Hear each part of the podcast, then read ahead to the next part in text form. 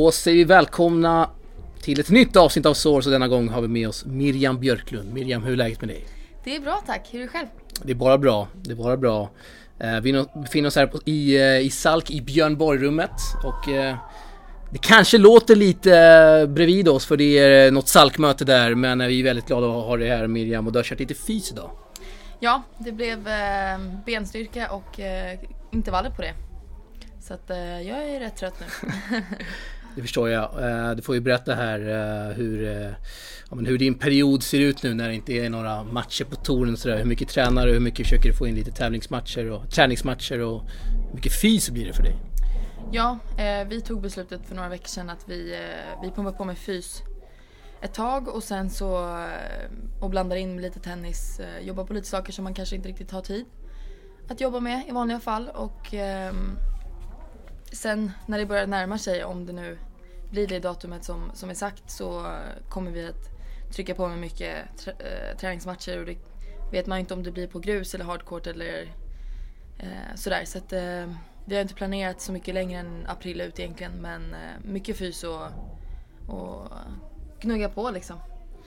Härligt. Hur fördriver du tiden annars när du inte spelar tennis den här perioden? Blir det mycket serier? Mycket Netflix, mycket More. inte mycket variation på det men eh, nej, man för, jag försöker också göra lite annat. Få mycket frisk luft eh, eftersom att man inte kan hitta på så mycket andra aktiviteter och försöker få lite miljöombyte med vart jag tränar ibland och eh, sådär. Eh, Det går inte att hänga med så mycket folk men man kan ju alltid hitta på annat. Eh, tar upp en bok för första gången på Oj. jag vet inte hur många år. Vilken bok? Eh, Kjell Enhager. Det är Okej. en eh, mm, typ mental träningbok. Hur mycket poddar blir det för dig att lyssna på? Eller blir det inget alls kanske? Ja men jag lär väl lyssna på den här kanske. Det är bra. Det är skönt att höra. Ja, nej jag har faktiskt aldrig, jag har aldrig fastnat för det där. Eh, för att jag inte har hittat rätt podd tror jag. Men ehm, jag gillar att kolla på serier, jag vet inte. Det har bara blivit så. Det är så många andra tennisspelare med andra ord. Eh, vi ska börja med faktaruta. Fullständigt namn. Miriam Carmen Emilia Capistrano Björklund. Bor. Eh, Stockholm, Ålder. 21.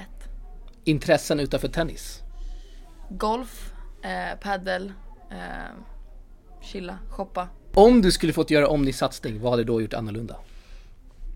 Ehm, jag hade lärt mig mer vid tidig ålder eh, saker och ting som man kan lära sig utanför banan.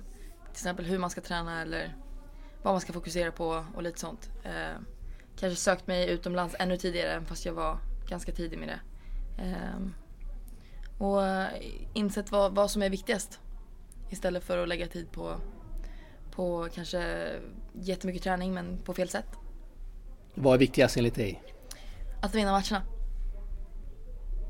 Bra svar. Eh, hur gammal var du när du, du bodde i Spanien några år va? Och tränade där. Ja, exakt. Hur gammal var du när du flyttade dit? Eh, ungefär 17. Och sen bodde jag där i två år. Eh, vi går vidare här. Tränare som betytt mest för dig? Oj. Alltså alla har ju betytt väldigt mycket på, på olika sätt och på, i olika åldrar. Ehm, jag är väldigt egentligen tacksam för alla. Det är ett väldigt tråkigt svar men jag just nu är jag väldigt tacksam för Jonas eh, Björkman. För att eh, vi har en väldigt bra relation både på och utanför banan och, och det känns liksom som att det, det är helt rätt och, och vi utvecklas, vi förstår varandra och det är liksom inte, inget är komplicerat och så att eh, jag är väldigt tacksam för det just nu. Svensk tennis största utmaning enligt dig? Få fram spelare. eh, nej men att kanske hitta ett rätt sätt att, ehm, att få spelaren liksom motiverade och, och taggade och, och veta att man faktiskt kan bli proffs. Eh, även om man är till exempel från Sverige. Det är väldigt mycket att vi, vi är fast i, kommer det någonsin bli som det var förr? Och nej, det kommer det inte. Men det kan vara bra ändå. Och jag tror att eh, ja, att folk runt om en inte ger upp hoppet och att man liksom pushar på yngre spelare från tidig ålder så att det, jag tror att det är när man pushar folk när de är yngre som man märker om de vill det här eller inte. Och eh, jag vet i alla fall att om jag hade blivit pushad hårdare när jag var liten så hade inte jag vikt ner mig utan jag hade bara kört. Och då tror jag att det är lättare att sålla bort i tidig ålder och då vet man kanske vilka man ska satsa på lite mer. Lite mer självförtroende också, låter det på dig som. Alltså i svensk tennis. Eller? Jo, ja exakt. Jo, men, Förstod jag alltså, rätt? Jo, det... Exakt. Ehm, jag tycker att det är... Alltså jag tycker inte att det är dåligt men, men jag tycker att vi har spelare som, som kan bli riktigt bra. Och jag tror att eh, vi kanske inte riktigt tror på det än. Favoritfilm? Åh herregud. Får man säga White Chicks? White Chicks. Du får se vad du vill. Det är ditt svar. Ja det får bli det. Jag kommer inte på något bättre. Favoritlåt? Eh, Can't Help Falling In Love med Elvis. Oj, du drar fram Elvis. Stort. Eh, kändaste person som följer dig på Instagram? Eh, kan det vara Margot Ditz eller någon annan? Hur många följare? Det är väl eh, över 100 000 jag, jag tror vet jag. inte faktiskt. Eh, du sätter på en valfri film på Netflix. Vad äter du? Vad dricker du? Alltså jag äter typ kyckling och ris minst en gång om dagen. Och eh, älskar Ramlösa med lite smak för man dricker så jävla mycket vatten i vanliga fall. Du kör ingen sån här snacks? Popcorn eller? Jo, popcorn blir det. Men alltså när man, är, när man är, ligger i och kör när man är hemma då, då blir det mycket man ska fylla på med sådär bra saker. Bra. Eh, bästa spelare du har mött i karriären? Iga Swiatek. Topp 50. Det var senast i Fed Cup va? Mm. Vad gjorde hon så bra eller så annorlunda kanske som andra? Eller som, ja, som andra inte har gjort då?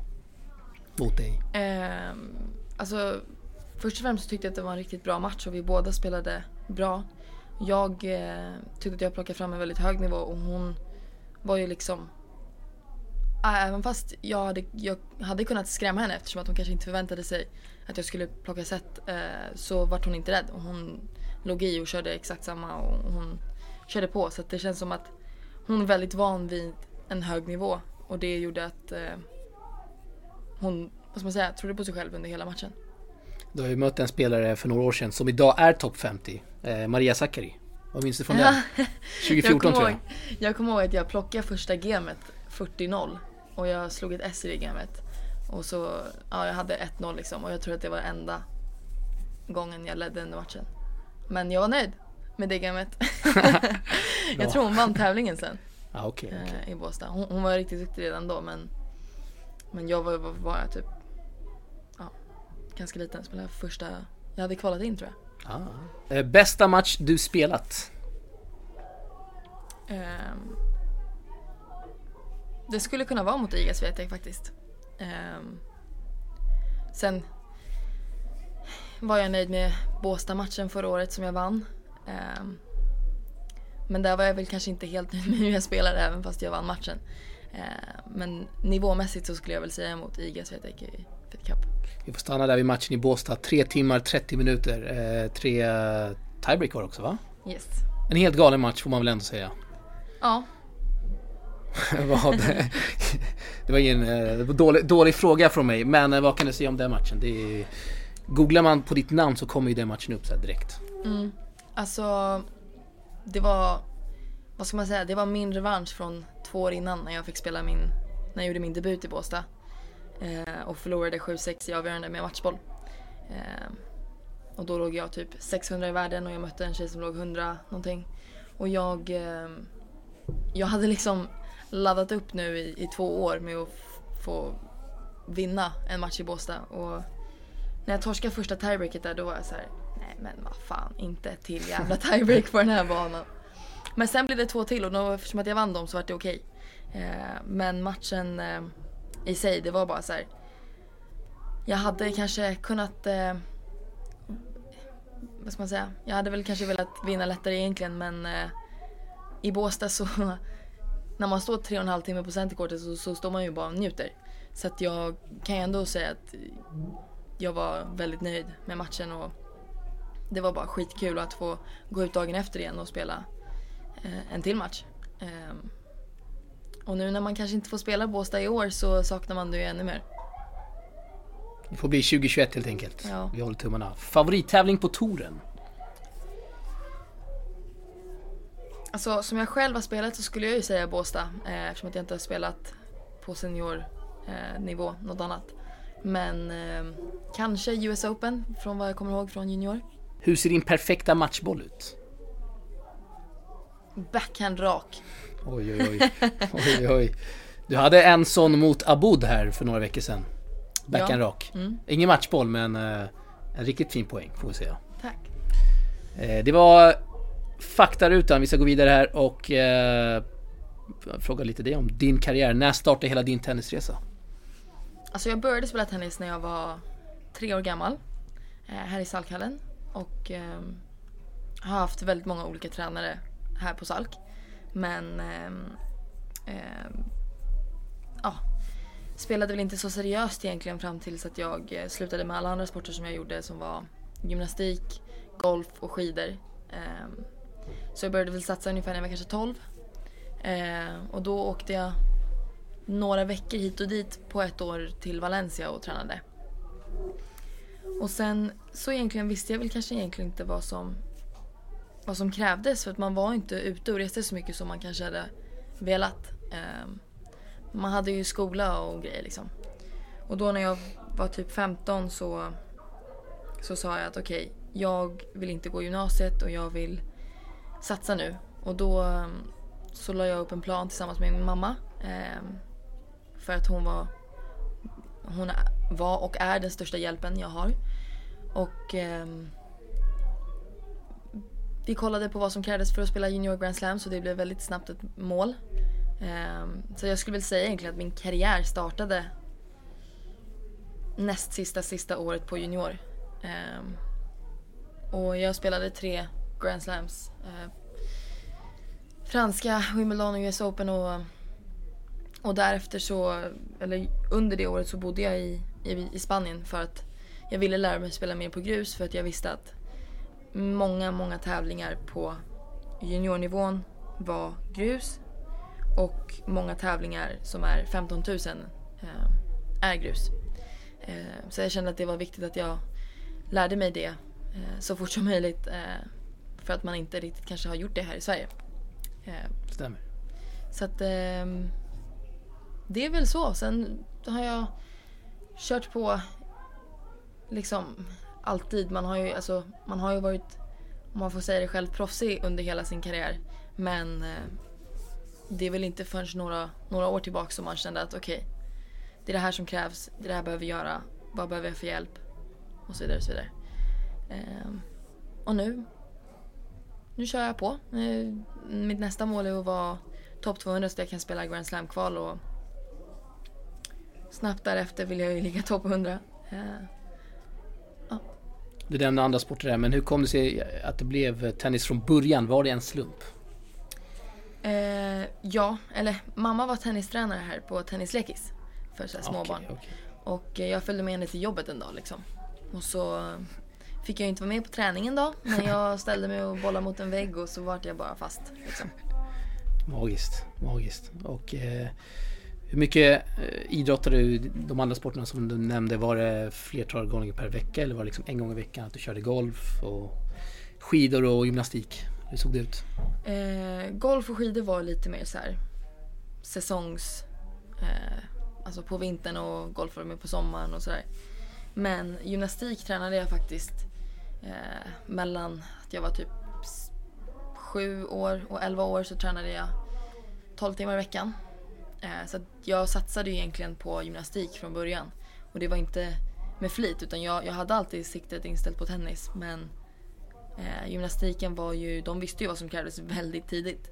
Så att de, och de vet ju att man måste sätta saker och ting när man är väldigt ung. Så att vi körde ju stenhårt eh, i väldigt ung ålder. Och det var väl egentligen på grund av gymnastiken som jag insåg att det måste eh, ske mer på tennisbanan och utanför för att man ska bli någonting. Eftersom att vi kan inte träna så mycket mindre än gymnaster. Tyckte jag.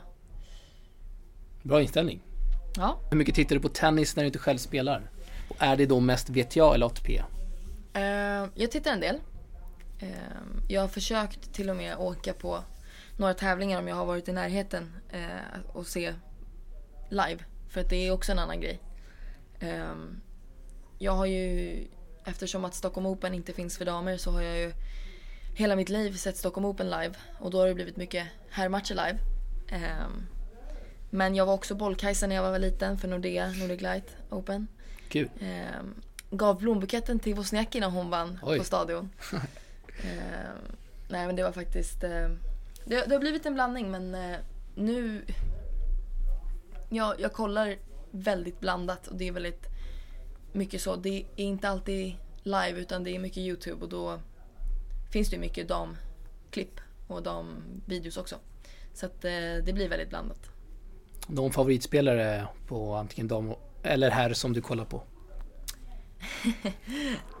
På damsidan så, så gillar jag verkligen Bianca Andrescu. Ehm, Jag har mött henne också och jag vet hur svår hon är att möta och eh, jag tycker att hon spelar väldigt, vad ska man säga, ja, ett spel för framtiden. Och eh, herrarna måste jag väl säga Dennis Chapovalov då. då. Bra svar. Bra svar. Eh, vi har flera gånger i podden pratat om hur, eh, hur du jobbar med dina sponsorer och hur aktiv du är där, främst då i sociala medier. Hur viktig är den biten för dig? Utan den skulle det inte gå. Så den är väl, vad ska man säga, på något sätt viktigast. Ehm, det är väldigt mycket jobb utanför banan som man kanske inte ser som både tar energi men också är kul. Eh, och det, det är eh, väldigt viktigt att eh, kunna åka ut och resa och framförallt känna att man kanske inte behöver välja alltid det som är närmst. Eh, bara för att det är billigare. Utan att ibland kanske kunna ta sig till olika ställen. Jag i början av året åkte till Australien och bara av en slump kom in i en, i en stor VTA-tävling som jag aldrig hade kommit in i om jag bara hade stannat i Europa. Eh, och det finns väldigt mycket spelare från Europa och det gör att det är väldigt tufft här. Så att eh, på något sätt så är det ju väldigt viktigt att man har den ekonomiska biten för att kunna ge sig själv de bästa förutsättningarna. Hur många sponsorer har du idag? X antal, jag eh, bara så här på rak arm kan inte svara på det, jag vet inte. Det är så många. Jag... Ja, alltså... Man har ju racketar och bag och scener och allt sånt och sen har man ju liksom rent finansiellt, alltså bara ekonomiska... Alltså folk som bara sponsrar med pengar och vissa gör det privat och vissa gör det för, alltså sådär. Och det är väldigt eh, olika. Så att eh, jag kan inte rakt av bara säga. Jag förstår. Har du något tips till någon spelare som kanske lyssnar på det här eh, som ja, men behöver något tips då hur man ska jobba med sponsorer och framförallt då kanske på sociala medier? Våga liksom... Eh, våga ta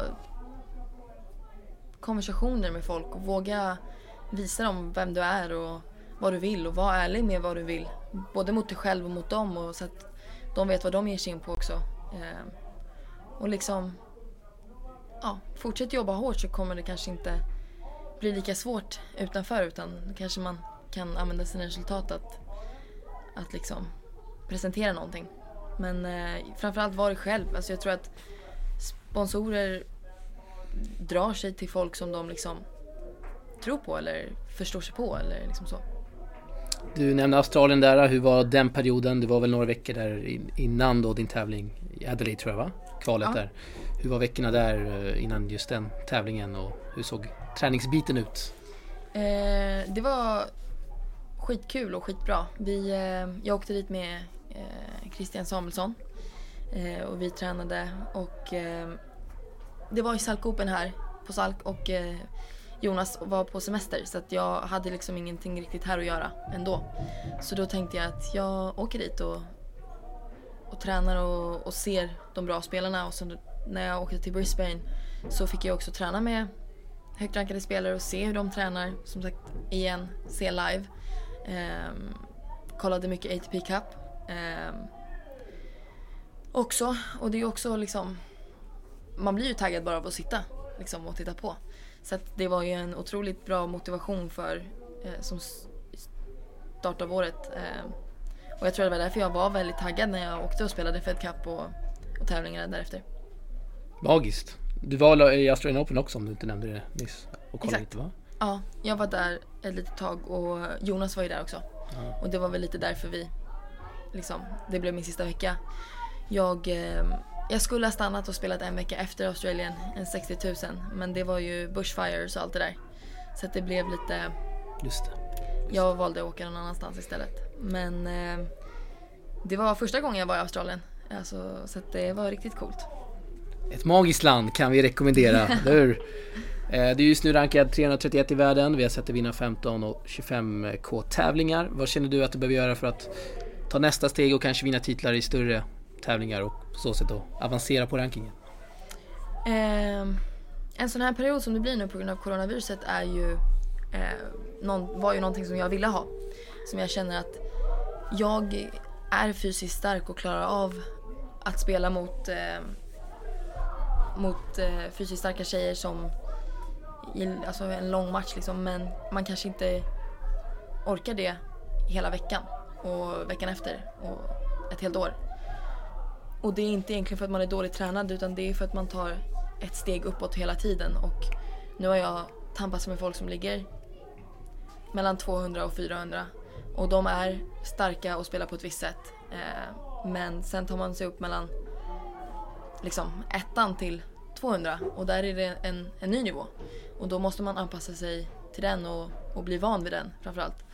Och eh, det var någonting som jag tyckte var väldigt roligt med början av året. Att jag fick möta väldigt många högt rankade spelare.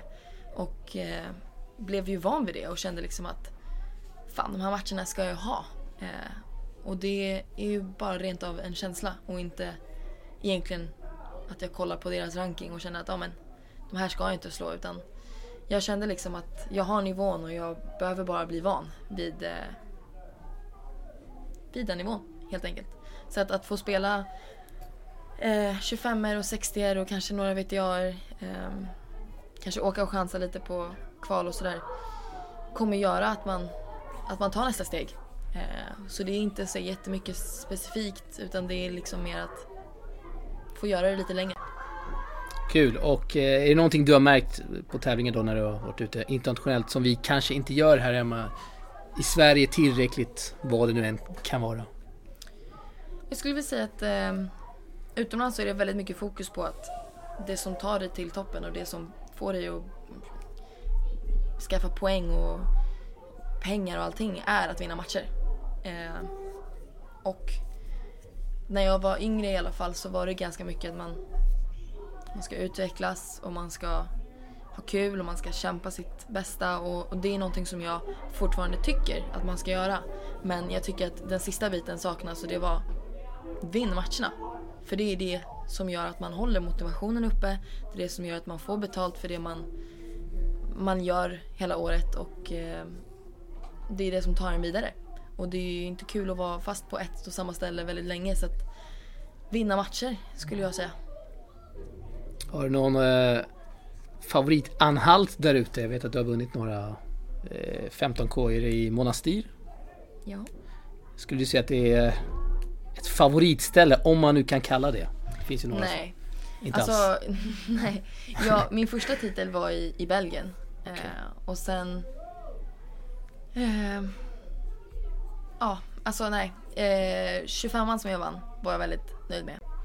Eh, just för att det vart hela grejen med ITF-rankingen och VTA-rankingen. Att det, det blev två olika ranking så jag var tvungen att vinna 3.15 för att kunna spela 25 Och när jag hade vunnit 3.15 på tre månader och gick på 25 000 dollars tävlingar och, och vinner nästan den första jag spelar så kändes det liksom som att att det var som ett kvitto på att okej, jag hör hemma här. Så att det var, det var, Skönt. ja, det var skönt. Eh, om vi får spekulera här, när tror du att touren drar igång igen? Det är ju, officiella beskedet är 13 juli va? Ja. Jag skulle inte säga inte före US Open i alla fall. Eh, jag tror att de kommer försöka göra allting eh, som det går att försöka spela US Open men men det kan ju också bli att det inte blir någonting alls i år. Och det hade ju varit riktigt tråkigt men det ser ju inte så jätteljust ut just nu om man ska vara helt ärlig.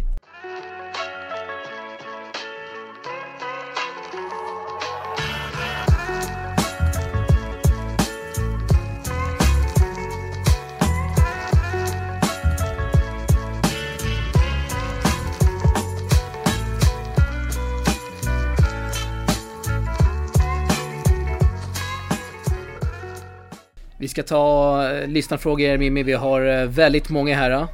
Vi betar av alla. Oj. Tennisgymnasiet i Umeå frågar så här, hur mycket grind behövs för att man ska bli riktigt bra? Jag tror att man bestämmer själv hur mycket grind man vill lägga ner. Eh, många grindar mer än andra. Eh, alltså på touren, jag tror att det är väldigt många som, som känner att de grindar mer. Men i, i slutändan så handlar det om att vinna matcherna och det beror på. Men eh, dagligen så, en del. Jag känner att jag grindar hela tiden. Eh, ja, det krävs väl ganska mycket. Mattsson Bilder, har du ändrat din serve? Ja, det har jag. Jag blev eh, skadad i höften i somras. Eh, en överansträngning egentligen.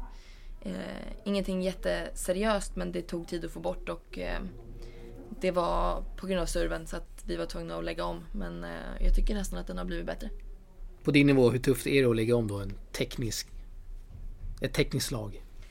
Jag anser mig själv vara ganska lättlärd så att eh,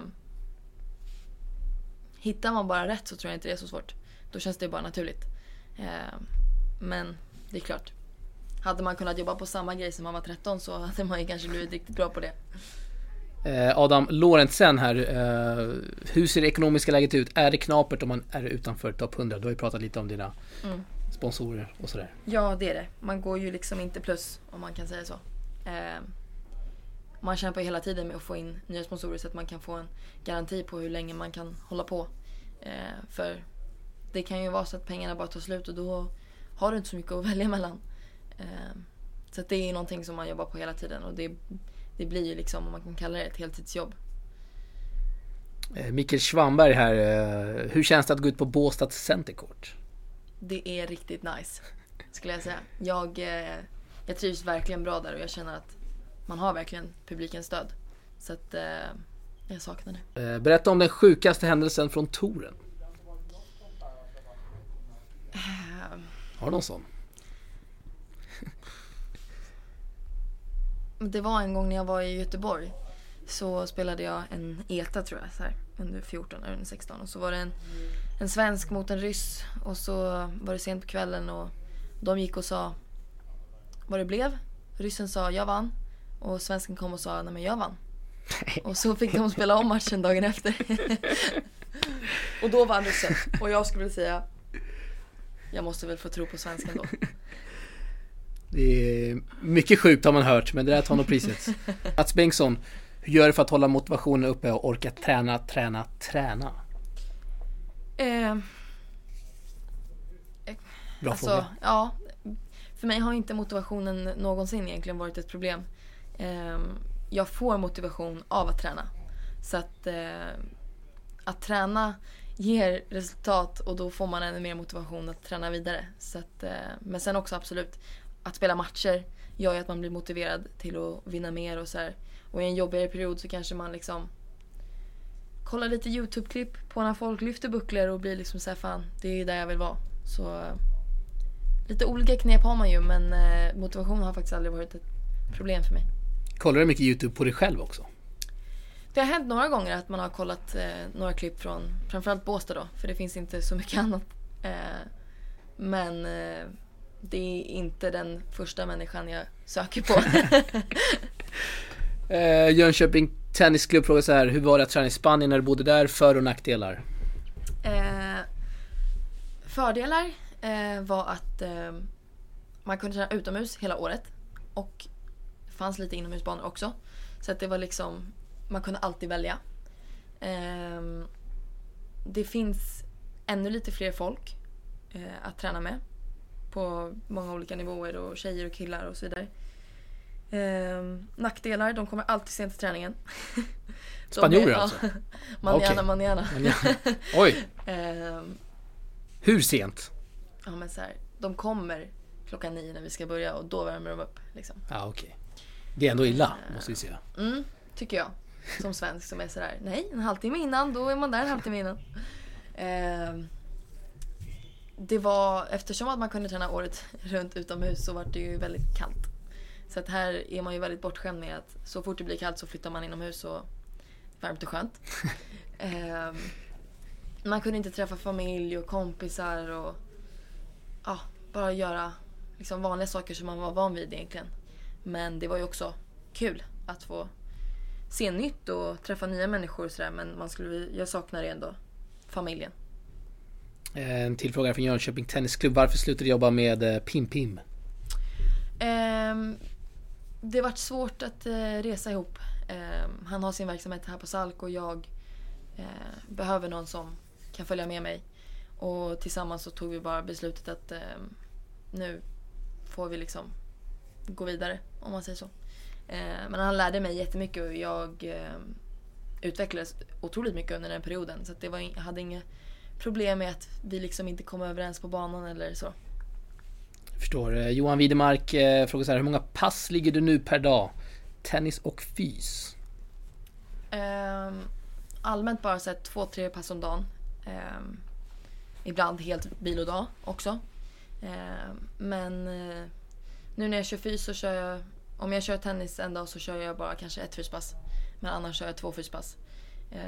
Och några dagar när man fokuserar mer på tennisen då kör jag två tennispass och ett fyspass. Men då är det fyspasset kanske inte personligt bästa liksom. Förstår. Eh, Rickard Wiberg, eh, där kan köra svaret på om vi kör något speciellt som du fokuserar på i uppehållet. Och tror du att du kommer att kunna ha stor fördel nu mot övriga som ej kan träna ordentligt? Absolut. Alltså jag känner verkligen att vi svenskar som spelar tennis eh, borde vara väldigt tacksamma över att vi fortfarande kan träna och att vi fortfarande kan eh, köra på som vanligt egentligen. Så att eh, det är någonting som jag eh, tror vi har väldigt fördel av. Alltså, det är ju en fördel men det beror på när allting drar igång. Eh, om vi inte drar igång förrän nästa januari och alla andra länder får börja spela om en månad så tror jag inte det kommer ha gjort så mycket skillnad. Eh, men eh, jag fokuserar väldigt mycket på att det är på något sätt alltid ska man säga, kärlek till sporten och kärlek till att träna som har fått mig att börja med det här. Och absolut så saknar man ju matcherna och det är ju det man vill hålla på med. Men eh, det är inte så att man inte får göra det man tycker om. Så att eh, jag, jag är ändå liksom positiv. Eh, Robert Linde har skickat in eh, ett par frågor här vi kör om. Eh, Vad fokuserar du på för förbättringar på och utanför banan? Ehm, egentligen är det att höja eh, lägsta nivån. Jag känner att jag har en hög, hög högsta nivå men att allting måste bli liksom bättre. Eh, så att eh, det är lite specifika saker och som, som alltid egentligen att man fokuserar på serve och returer och eh, i några perioder kanske lite mer volley och sådär. Men just nu är det framförallt att liksom när man har så här mycket tid att träna så kan man ju verkligen träna på allt. Och eh, att bli bättre på allt. liksom. Eh, Vad är det sjukaste du har varit med om på en tennisbana? Åh. Ja men alltså det har ju hänt lite grejer men det är ju sådana här klassiska folk som fuskar och folk som ändrar vad, vad det står och, och liksom sådär. Ehm, men inte egentligen något sjukare än så. Eh, Vem tror du på mest inom svensk tennis förutom Ymers och Rebecca?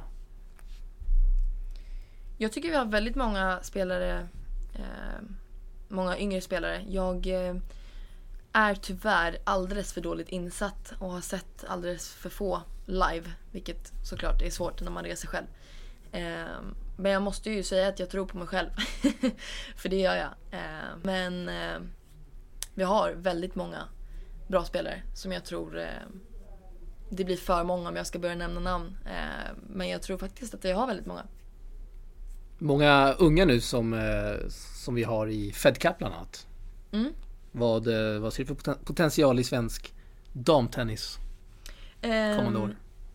Jag är positiv till eh, framtiden om man kan säga så. Det beror på hur folk jobbar och hur folk lägger upp saker och ting tror jag. Men potentialen finns hos väldigt många och jag tror att det vi som alltså Sverige allmänt i Fed Cup till exempel har som fördel är att folk nog underskattar oss. Vilket gör att de kanske lägger upp sitt lag. Eh, de kanske inte toppar sitt lag när de möter oss. Och eh, då jävlar ska de få smaka. Bra där. Bra där. Eh, om du fick önska dig något i din tennis, vad hade det varit? Att jag var bäst i världen. Typ. Ja men att, att ha hög ranking så att man får spela de tävlingarna som, som man vill. Vilka huvudgrejer har du lärt dig av Jonas Björkman? Um, han är ju, vad ska man säga, volleyexpert. Men det är ju också eh, ofta, eller, det kan också få folk att tro att han inte är så, eller kanske kan massa annat. Och han kan verkligen allt. Så att någonting som jag tycker är väldigt bra med Jonas är att han är väldigt komplett. Och eh, det är för mig väldigt viktigt hos en tränare. Att man eh, verkligen kan lära sig allt. Eh, och vi har väldigt roligt på banan också så att eh, två timmar känns inte så långt. Stort tack eh, Miriam Björklund för att du kunde vara med här i Source. Eh, uppskattar vi väldigt mycket. Du ska få göra en sista grej. Right. Önska en låt som vi går ut med. Vilken du vill. Oj, okej. Då tar jag Avicii. Eh, vad heter den? Vi Levels. kan... eh, Vi kör Levels. Vi kör Levels. Vi kör Levels. En klassiker av, av eh, Avicii. Magisk låt, får jag ändå säga. Eh, vem bör vi ha med här i podden framöver Mimmi, innan vi eh, går ut där? Mm. Så många som möjligt. Jag önskar att flera kanske bara egentligen hör av sig till dig och säger Oj. att de vill vara med. För Det har att, faktiskt eh, aldrig hänt. Nej, för att jag tror att eh, det blir bäst avsnitt när man själv vill vara med. Jag, Där sa något. mm, jag uppmanar er alla att höra av er. Det kan man göra via DM. Bra, säger vi så. Stort tack igen Mimmi.